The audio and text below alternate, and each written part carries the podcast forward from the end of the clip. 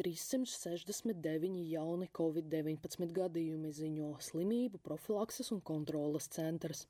Reģistrēti seši nāves gadījumi, visi mīrušie bija vecāki par 60 gadiem. Kopumā diennaktī veikti nedaudz vairāk kā 12,5 tūkstoši testi, no kuriem 3,1% bija pozitīvs. Slimnīcās ievietoti 52 covid-19 pacienti.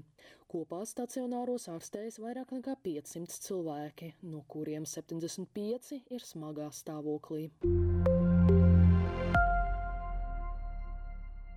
Valdība plāno atļaut ārtelpās rīkot izlaidumus vienas klases ietvaros, ziņo Leta. Pasākumā drīkstētu piedalīties ne vairāk kā 30 cilvēki, ieskaitot iestādes darbiniekus. Pasākums nedrīkstēs ilgt vairāk par divām stundām, dalībniekiem būs jālieto mutes un deguna aizsegi, ja nav iespējams ievērot divu metru distanci. Par šo jautājumu valdība lems rīt.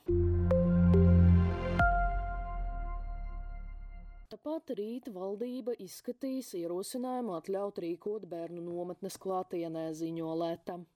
Vienā grupā nevarēs būt vairāk par 20 dalībniekiem, viņiem visiem ir jābūt covid negatīviem. Nometnes personālam un bērniem 48 stundas pirms nometnes sākuma jāveic covid-19 tests, un nometnes laikā testēšanai jānotiek reizi nedēļā. Testus nav jāveic tiem, kuri ir nesen pārslimojuši covid-19 vai arī ir vakcinēti pret šo slimību. Nometnes personālam nedrīkst rīkot aktivitātes ārpus nometnes teritorijas, izņemot gadījumus, kad dalībnieki ir šīs vietas vienīgie apmeklētāji.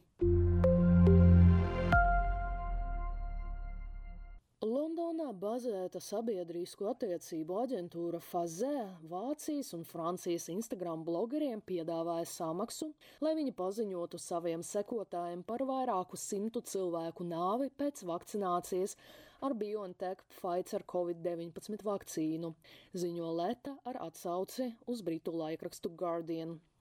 Dati it kā ir nākuši no franču izdevuma Lemondē, kurš ir rakstījis par Krievu hakeru nolaupītiem Eiropas zaļu aģentūras datiem. Brītu laikraksta žurnālisti pārbaudot attiecīgo rakstu neatrada datus par mirstības līmeni. Savukārt citu avotu mājaslapas ir pazudušas. Blogeri ir publicējuši aģentūras vestuļu kopijas. Viens no viņiem piebilda, ka kampaņai bija iespaidīgs budžets. Žurnālisti noskaidroja, ka Fazē vadības cilvēki nāk no Maskavas. Pirmdien aģentūra slēgusi savu mājaslapu, bet vietnē sociālajā tīklā Instagram noteikusi privātu statusu.